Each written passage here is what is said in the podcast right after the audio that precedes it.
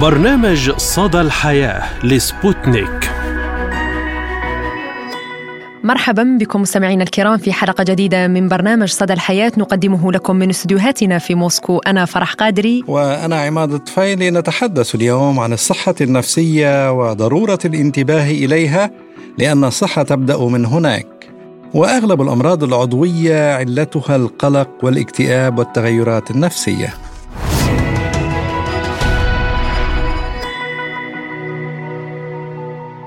كلنا إنسان ولنا الحق في الحياة. إنسان يحيا بكلمة وبكلمة أخرى قد يقتل. وحدها الكلمة الطيبة من تزرع الأمل بنفوسنا وتعيد لنا البسمة والفرح والسعادة بالحياة. ووحده التعامل الإنساني مع غيرنا من يبقي فينا بذرة الخير والإنسانية.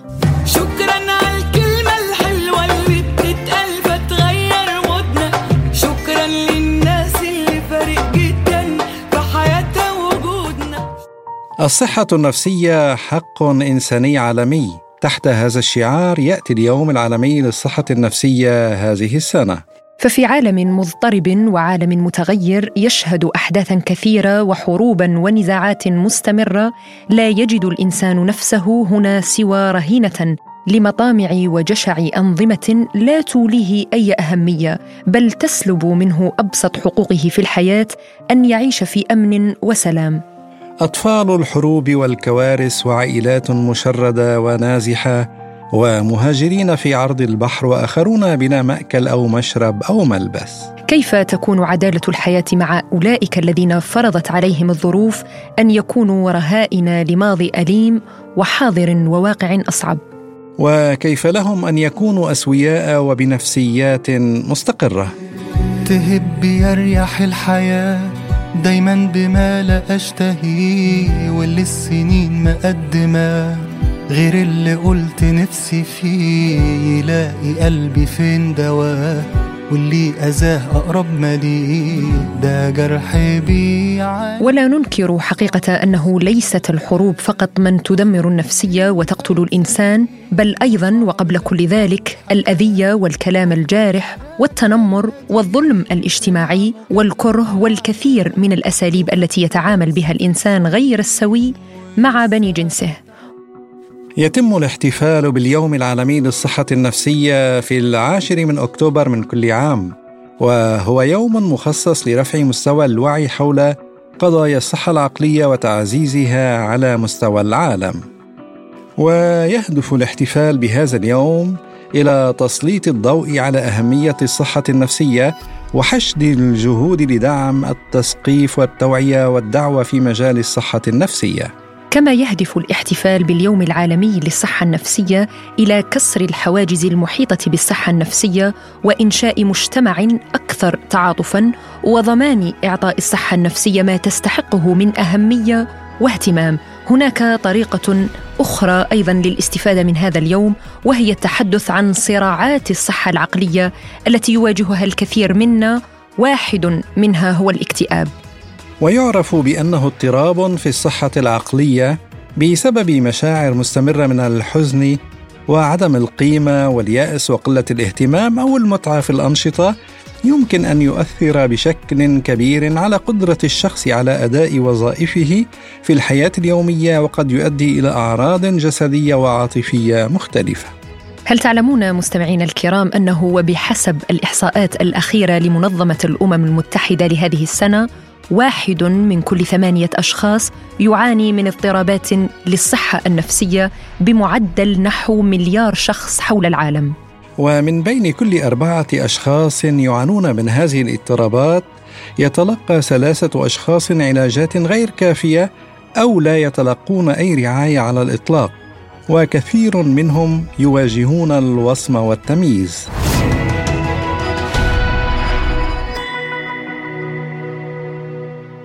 وللحديث أكثر حول هذا الموضوع نستضيف معنا استشاري الصحة النفسية والتربوية الدكتور وليد هندي. أهلا وسهلا بك دكتور وشكرا لتواجدك اليوم معنا ببرنامج صدى الحياة. أهلا بيكي ودايما منورة. نعم يعني دكتور وليد أبدأ معك من شعار هذه السنة للصحة النفسية في أنها حق عالمي من حقوق الإنسان. يعني كيف ترى هل نحن حقا اليوم في عالم يعير الاهتمام بحقوق الإنسان سواء كانت أنظمة أو حتى علاقات بشرية بكل تأكيد آه، حتى مفهوم الصحة النفسية انتقل من مرحلة إن هي حالة من التوافق الإنسان بيعيشها مع ظروفه ومع ضغوطه المجتمعية ومع المشكلات اللي بتعتريه لحالة من الرفاهية في مواجهه المشكلات، يعني من حقه إنه يعيش في أريحية في مواجهه مشكلات الحياة بصفة عامة. وزي ما حضرتك قلتي دلوقتي إن هو بقى مفهوم من المجتمع إنه يوصل الانسان لأعلى معدل من الصحة النفسية صحيح، ليه؟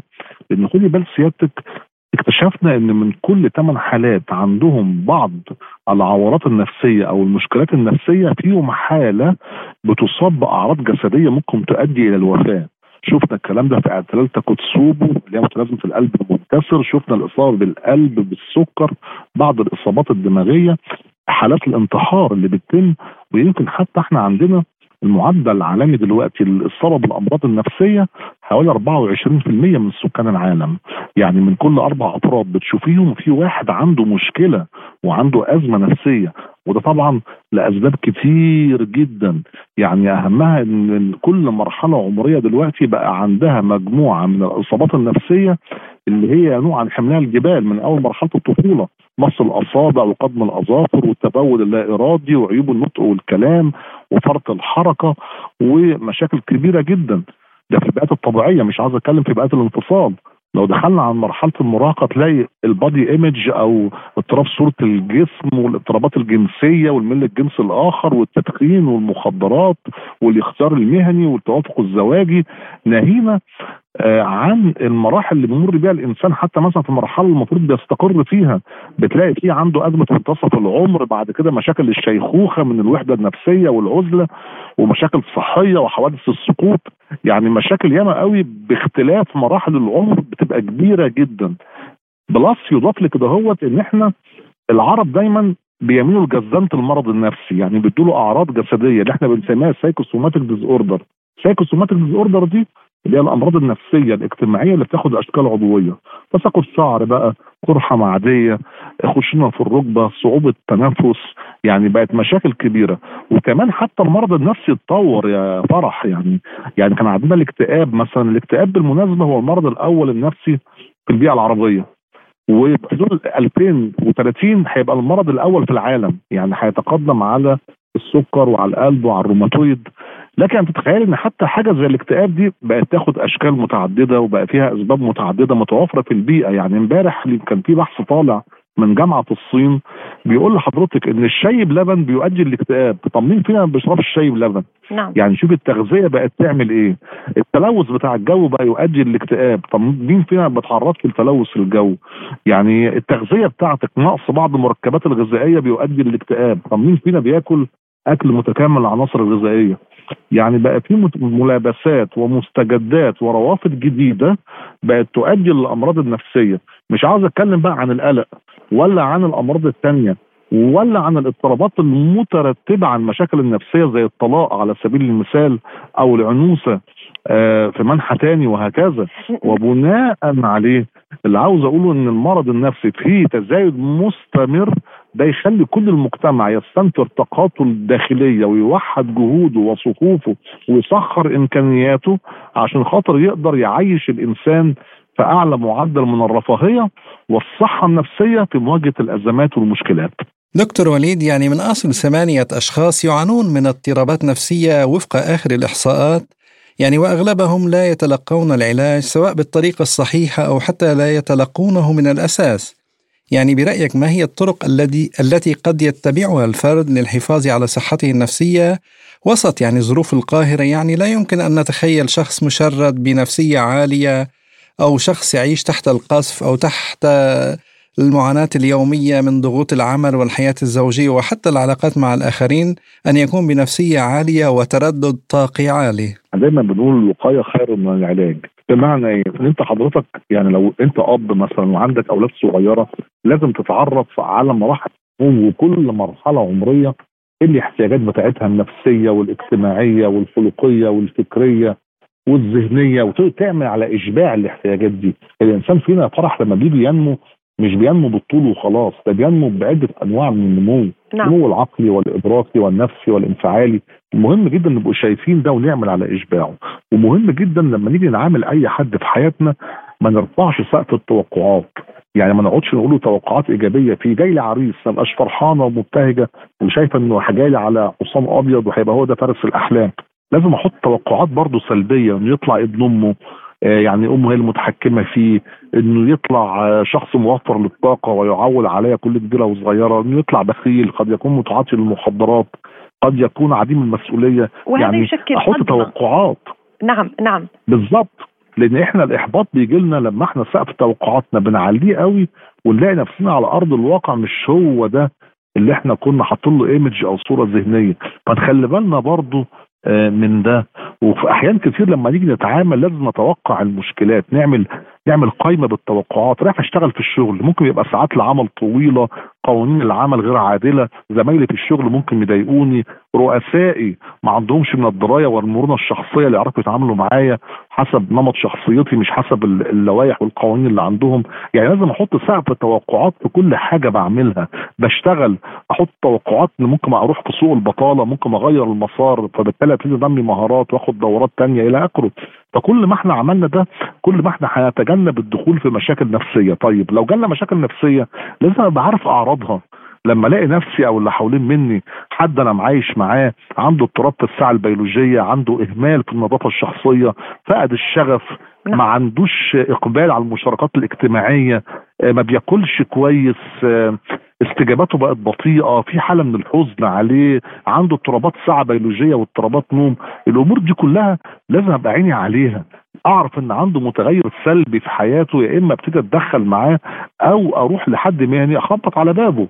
يعني أنا لو عملت ده أنا بنفسي على دراعي هقدر أوصل لأعلى معدل من الصحة النفسية وأعيش تعايش سلمي مع الحياة ومع أزماتها المختلفة. طيب اليوم يعني دكتور والواقع الذي يعيشه الأفراد سواء يعانون الحرب ونشير هنا إلى ما يعانيه آه، سكان قطاع غزة والفلسطينيون بشكل عام طيلة هذه السنوات أو غيرها يعني من ظروف قاهرة مثل الفقر، عدم الأمان، النزوح، التشرد، يعني آه، قد نقول آه، عدم استقرار أيضا في العائلة نتيجة انفصال الأبوين، يعني حتى داخل الأسر التي تتمتع برفاهيه هناك كثيرا من المشاكل داخل هذه الأسر وكم من حالات انتحار شهدناها في هذه الأسر التي يعني تتمتع بمستوى عالي سواء من المادة أو من الظروف الاجتماعية والاقتصادية. برأيك كيف يمكن للإنسان أن يحافظ على صحته النفسية في ظل هذه الظروف خاصة إذا ما عدنا إلى ال social media وتأثيرها على الواقع في وقتنا الحالي؟ بص يا فرح عندنا حاجة اسمها مشكلات ال social welfare أو مجتمع الرفاهية. دايما الإنسان لما بيبقى قاعد حقق كل أهدافه في الحياة معاه ثروة معاه عربية حياته مستقرة حقق كل الأهداف ده هنا بيوصل لحاجة اسمها الدث أو الموت النفسي. الموت النفسي الإنسان بيجي لما يعيش حالة من الزهق والملل والسكون والرتابة والاستاتيكا. فمهم جدا الإنسان يجدد دوافع الحياة. مهم جدا يفجر عنده طموحات جديدة وأهداف جديدة ورؤية جديدة. مهم جدا يدخل السعادة القلب وروافد جديدة في حياته إن شاء الله حتى تربية حيوان أليف. يزرع زرعة يسمع موسيقى يلعب رياضة. طول ما أنت بتعمل activity وبتمارس نشاط طول ما أنت مقبل على الحياة طول ما أنت خالق لنفسك style life بتعيشه. بتقومي بالنهار بتشربي فنجان قهوتك بتقعدي كده في الشمس تخطفيها حتى لو مش موجودة. صح. دايما بقول وقت الأجازات للستات تحديدا. ما, ما, ما تقعديش بلبس البيت. قومي بالنهار وسرحي وتمكيجي وحطي perfume وخليكي full makeup واقعدي واشربي قهوتك أكنك خارجة في مكان. واختاري مكان كده حلو و- للنساء طبعا يا يعني. فندم. صحيح. للنساء تحديدا واسمعي موسيقى خلي عندك مطربه أو مطرب مفضل وخلي عندك نمط إضاءة في البيت. معين baby light إضاءة خافتة. اخلقي لنفسك مزاج نفسي. عيشي من خلاله. ده مهم جدا. طول ما إحنا حريصين على ال style life ده يا فرح عمر ما هتنتابنا أمراض نفسية. ومهم جدا نخلق لنفسنا واقع نفسي موازي للواقع المادي اللي إحنا عايشينه. يعني واقع نفسي نخلق لنفسنا حالة نفسية. مهما كان اللي حوالين مننا بقى بيصدر لنا ضغوط أزمات مشكلات. أنا في الواقع النفسي ده بيبقى فيه تنفيس انفعالي. اشباع للرغبات سد للاحتياجات شحذ الهمم تفريغ للطاقات. كل ده مهم جدا بحيث لما أرجع للواقع المادي الأليم اللي أنا بعيشه لو أنا مش قادر أحله على الأقل أقدر أتكيف معاه. دكتور وليد يعني هناك من يحاول امتصاص طاقتنا وتحطيمنا نفسيا. أكيد لابد لنا وأن نتحدث عن الاكتئاب الذي هو نتيجة تراكمات وإرهاق نفسي شديد مستمر. كيف يمكن لنا أن نتفادى الوقوع بالاكتئاب وأن نكتشف الأعراض في البداية ونعالجها؟ ببساطة شديدة جدا بتلاقي نفسك عايش في حالة من الحزن عندك متلازمة الإجهاد عندك أرق مستمر بتقوم من النوم تنامي تاني مش قادرة تقيمي دماغك عندك اختلال في الساعة البيولوجية يبقى نهارك ليل وليلك نهار. عندك عزوف عن المشاركات الاجتماعية البكا ممكن يجيلك على فترات بتعيشي في النوستولجيا يعني بتعيشي في الماضي أكتر ما بتعيشي في الحاضر. وتصدري دايما الذكريات آه، الأليمة ما بتحبيش الصوت العالي ولا الضجيج. بيبقى دايما الإنسان اللي عنده اكتئاب ميال للعزلة والانفرادية. يعني تلاقيه قاعد كده في بيته مستغطي معاه الريموت جنب منه وموبايل ومش عاوز حاجة من الدنيا. مش عاوز يقابل حد ولا يشوف حد هو كده مكتفي بنفسه وخلاص. ده ديك مؤشر إن عنده اكتئاب لما تلاقي فيه إهمال في النظافة الشخصية. دي كلها حاجات لازم نبقى شايفينها في نفسنا. دخلنا في ده عرفنا ان إحنا عندنا اكتئاب. الخطورة اللي إحنا لو إحنا ما ساعدناش نفسنا 20% من عندهم depression بيبقى عندهم أفكار انتحارية أو محاولات انتحارية. فممكن يلقي بالنفس إلى التهلكة. فده برضو مهم. طب أنا عشان ما أعملش ده وما ادخلش في ده. لازم اعمل إيه؟ لازم اعيش style life. لازم اخلق لنفسي حياة فيها تجديد دوافع حياة فيها سعادة بقدر الامكان وبقول لأي حد بيسمعنا اسرق من العمر لحظة بدل ما يتسرق منك كل لحظات الحياة. فتخلي دايما عندك السعادة عادة وعيشها دايما بزيادة. اخلقها لنفسك. اخلق الضحكة الحلوة. اسمع أغنية اتفرج على فيلم كوميدي آه، جالس الناس وصاحبهم. آه انزل بقى مارس عمل أهلي وعمل اجتماعي روح دور المسنين روح الأطفال اليتامى آه استمتع بالناس وب- وبالطبيعة الخلابة. اتمشى حول بيتك كل يوم شوية ما بقولكش روح العب رياضة ولا اجري ولا اركب عجل يا سيدي لا اتمشى بس كده ببساطة 10 دقائق كل يوم. اتعرض لضوء النهار ضوء النهار ده مهم جدا لأنه آه، بيعلي هرمون السعادة. كل أكل سعادة يعني كل الفاكهه اللي هي زي الموز وزي التوت في منيو أنا مسميه منيو السعادة. كل أكل يبعث على السعادة. وما تحاولش دايما تحط نفسك في مواقف ضاغطة. يعني لا تضغط نفسك تقعد تدين نفسك وتاخد حاجات بالقسط وتبقى مكبل بالديون والهموم. وما تجالس الناس اللي بتسحب الطاقه السلبية منك واللي بتصدر لك دايما أزمات ومشاكل وعلى طول شكايين دكايين. دول برضه حرامية طاقة خلي بالك زي حرامية الغسيل كده. ما كانوا بيسرقوا الغسيل زمان من البيوت. دول بيسرقوك بيسرقوا ذاتك. الناس اللي هي ال psychopathic والناس النرجسيين الناس اللي هي ال toxic بصفة عامة ابعد عنها. واخلق لنفسك كده دايما مناخ اجتماعي حلو آمن روح زور أهلك آه، أبوك وأمك لو عايشين وحتى لو أنت بعيد عنهم كلمهم بال video call من خلال ال social media استمتع بقسمات وجههم بنفسهم الدافي. ده كلها أمور مهمة جدا وعيش حالة من الحب بقى. يخلق الحب ده مع الجماد مع الإنسان مع الذكريات مع البيت طول ما انت في الحب ده الحب بيحتضنك ويوصلك لما هو أبعد. يمكن حتى ايليا أبو ماضي أحد شعراء المهجر قال إن نفسا لم تشرق الحب فيها هي نفس لم تدري ما معناها. أنا بالحب قد وصلت إلى نفسي وبالحب قد عرفت الله. صحيح يعني دكتور وليد كلامك من ذهب ونصائحك بجمل كما يقال. لو نتحدث عن تأثير التعامل أو الكلمة على نفسية الأشخاص كيف من الممكن أن تتطور الأزمات النفسية للأفراد برأيك؟ بفعل كلمة جارحة أو ظلم اجتماعي أو تنمر أو غيرها يعني من الأساليب التي آه، تقود النفس إلى الإحباط وأيضا الحزن والاكتئاب. بص يا فرح بعض الكلمات نور وبعض الكلمات قبور. الكلمة يا إما تخش نور جوه قلبك وتخليكي كده قاعدة مزهزهة ومنورة يا إما تلقي بك إلى التهلكة. أول آية في الإنجيل يا فرح في البدء كانت الكلمة والكلمة من عند الله. شوفي قيمة الكلمة وشوفي قيمة الكلمة في القرآن. إن ربنا شبهها يعني الكلمة الطيبة دي كشجرة طيبة أصلها ثابت وفروعها في السماء تؤتي أكلها كل حين. فشوفي حتى الأديان تناولت قيمة الكلمة زي ما حضرتك قلت إزاي. ولذلك أنا دايما بقول الست مش بتزدهر الست تحديدا لأن هي أكثر عرضة للإصابة بالامراض النفسية مش بتزدهر في مرحلة عمرية معينة لا بتزدهر مع راجل معين بيعيشها حالة معينة بكلمات من الثراء والمديح معينة. هتلاقيها بتزدهر مع راجل وتقفل مع رجل آخر.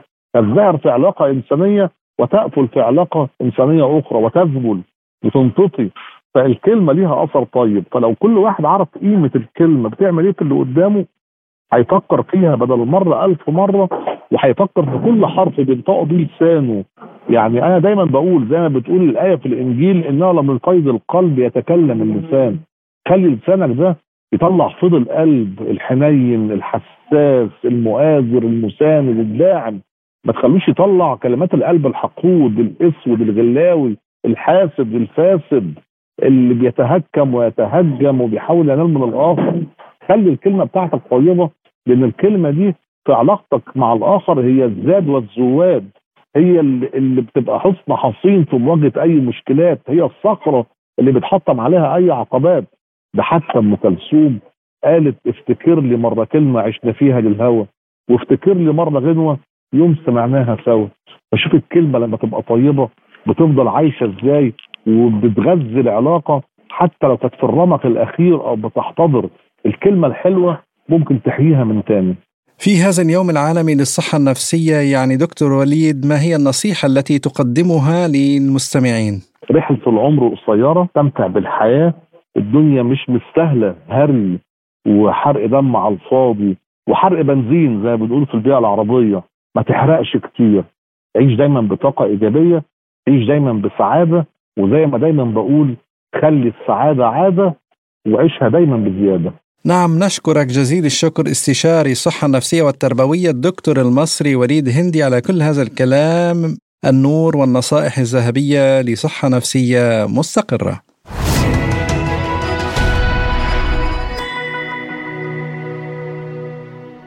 نواصل معكم مستمعينا الكرام حلقة اليوم من برنامج صدى الحياة بأخبار متنوعة.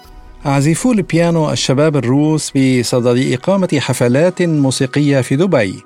يخطط الفنانون الشباب في مدرسة البيانو الروسية لتقديم حفلات موسيقية في دبي في فبراير شباط عام 2024 ونعيد إلى الأذهان أن القاعة الكبيرة لكونسرفاتوار موسكو ستشهد في الثالث والعشرين والرابع والعشرين من أكتوبر دورة ثالثة للحفلات الموسيقية التابعة للمشروع. ويتضمن برنامج الحفل الموسيقي مؤلفات رومانينوف وتشايكوفسكي وليست وشوبان ورامو وشومان وسكريبيانين. ويخطط أو يخطط المشروع لتوسيع حفلاته لتشمل مناطق روسيا كلها.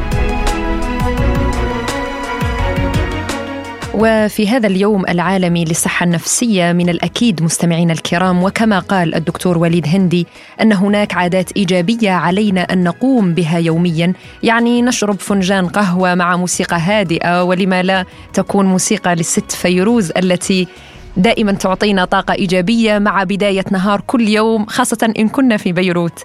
يعني أيضا نختار فنان مفضل أو أي عادة إيجابية لتحسين المزاج وحتى أنه فعلا هناك دراسات أثبتت أن للموسيقى تأثير على حالتنا المزاجية. يقول أفلاطون الموسيقى هي قانون أخلاقي يمنح الروح للكون ويمنح أجنحة للعقل تساعد على الهروب إلى الخيال وتمنح السحر والبهجة للحياة. يعود تاريخ الموسيقى إلى عصور ما قبل التاريخ حيث صنعت الأدوات الموسيقية البدائية من الخشب أو عظام الحيوانات دون أن يكون لدى البشر معرفة علمية بأهمية الموسيقى لكنها تبقى عاملا في التأثير على الحالة المزاجية للإنسان. ونعرف ذلك بأنفسنا واختبرناه بالفعل. لدينا جميعا تلك الأغنية التي تجعلنا نبكي والأغنية التي نكررها مرات ومرات. اذا بالتأكيد للموسيقى تأثير هائل على المشاعر وأنت ما هي الأغنية التي ترددينها فرح؟ الدنيا حلوة وأحلى سنين بنعيشها يا ناس. وإحنا عاشقين يعني ما فيش أجمل من إنه الإنسان يكون آه، دائما متعلق بالأمل ودائما عنده آه، في داخله في قرارة نفسه إنه دائما يوم غد يكون أفضل وستشرق الحياة لنا من جديد.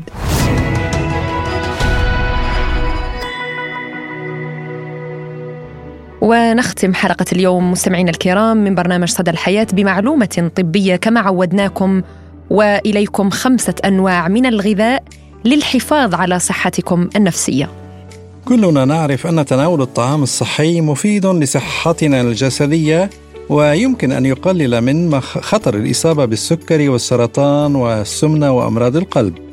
أما الأمر غير المعروف وهو أن تناول الغذاء الصحي مفيد لصحتنا العقلية ويمكن أن يقلل من خطر الاكتئاب والإجهاد. تتزايد اضطرابات الصحة العقلية بمعدل ينذر بالخطر وتكلف العلاجات والأدوية حوالي 2.5 تريليون دولار سنويا على مستوى العالم. هناك أدلة الآن على أن التغييرات الغذائية يمكن أن تقلل من تطور مشاكل في الصحة العقلية والتخفيف من هذا العبء المتزايد. توصي الإرشادات الإكلينيكية في أستراليا إلى أخذ موضوع الحمية الغذائية بعين الاعتبار عند علاج الاكتئاب.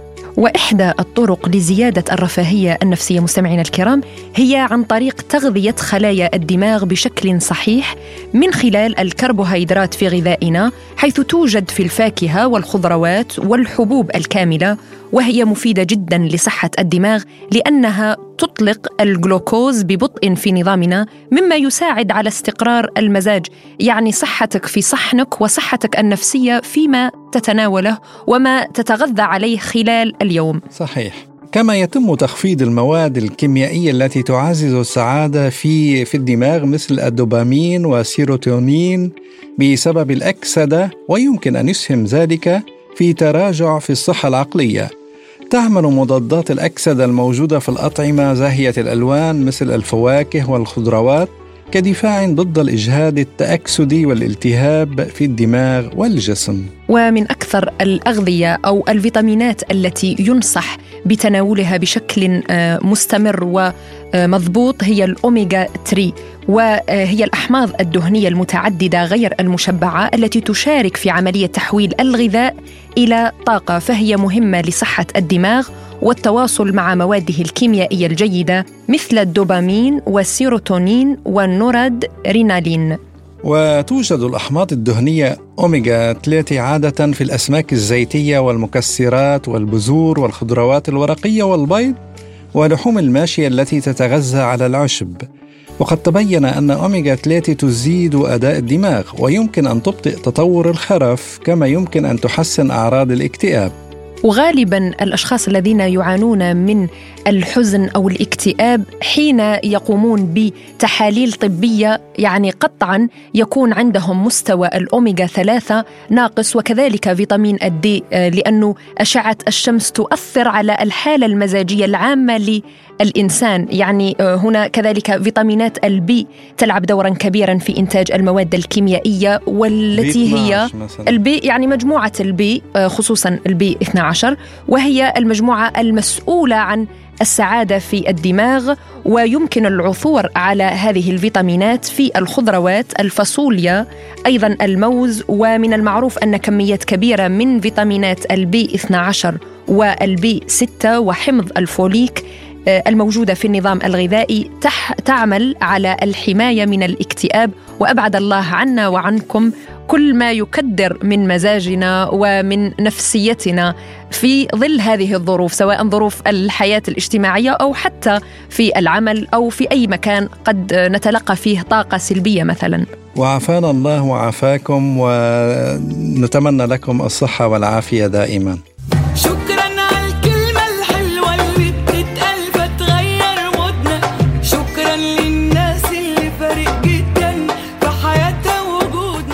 وزميلي عماد ومستمعينا الكرام بالكلمة الحلوة ننهي حلقة اليوم من برنامج صدى الحياة. إن شاء الله كل كل أيامكم تكون حلوة وإلى هنا تنتهي حلقة اليوم من برنامج صدى الحياة. كنا معكم فيها أنا عماد طفيلي. وأنا فرح القادري. شكرا وإلى اللقاء. إلى اللقاء.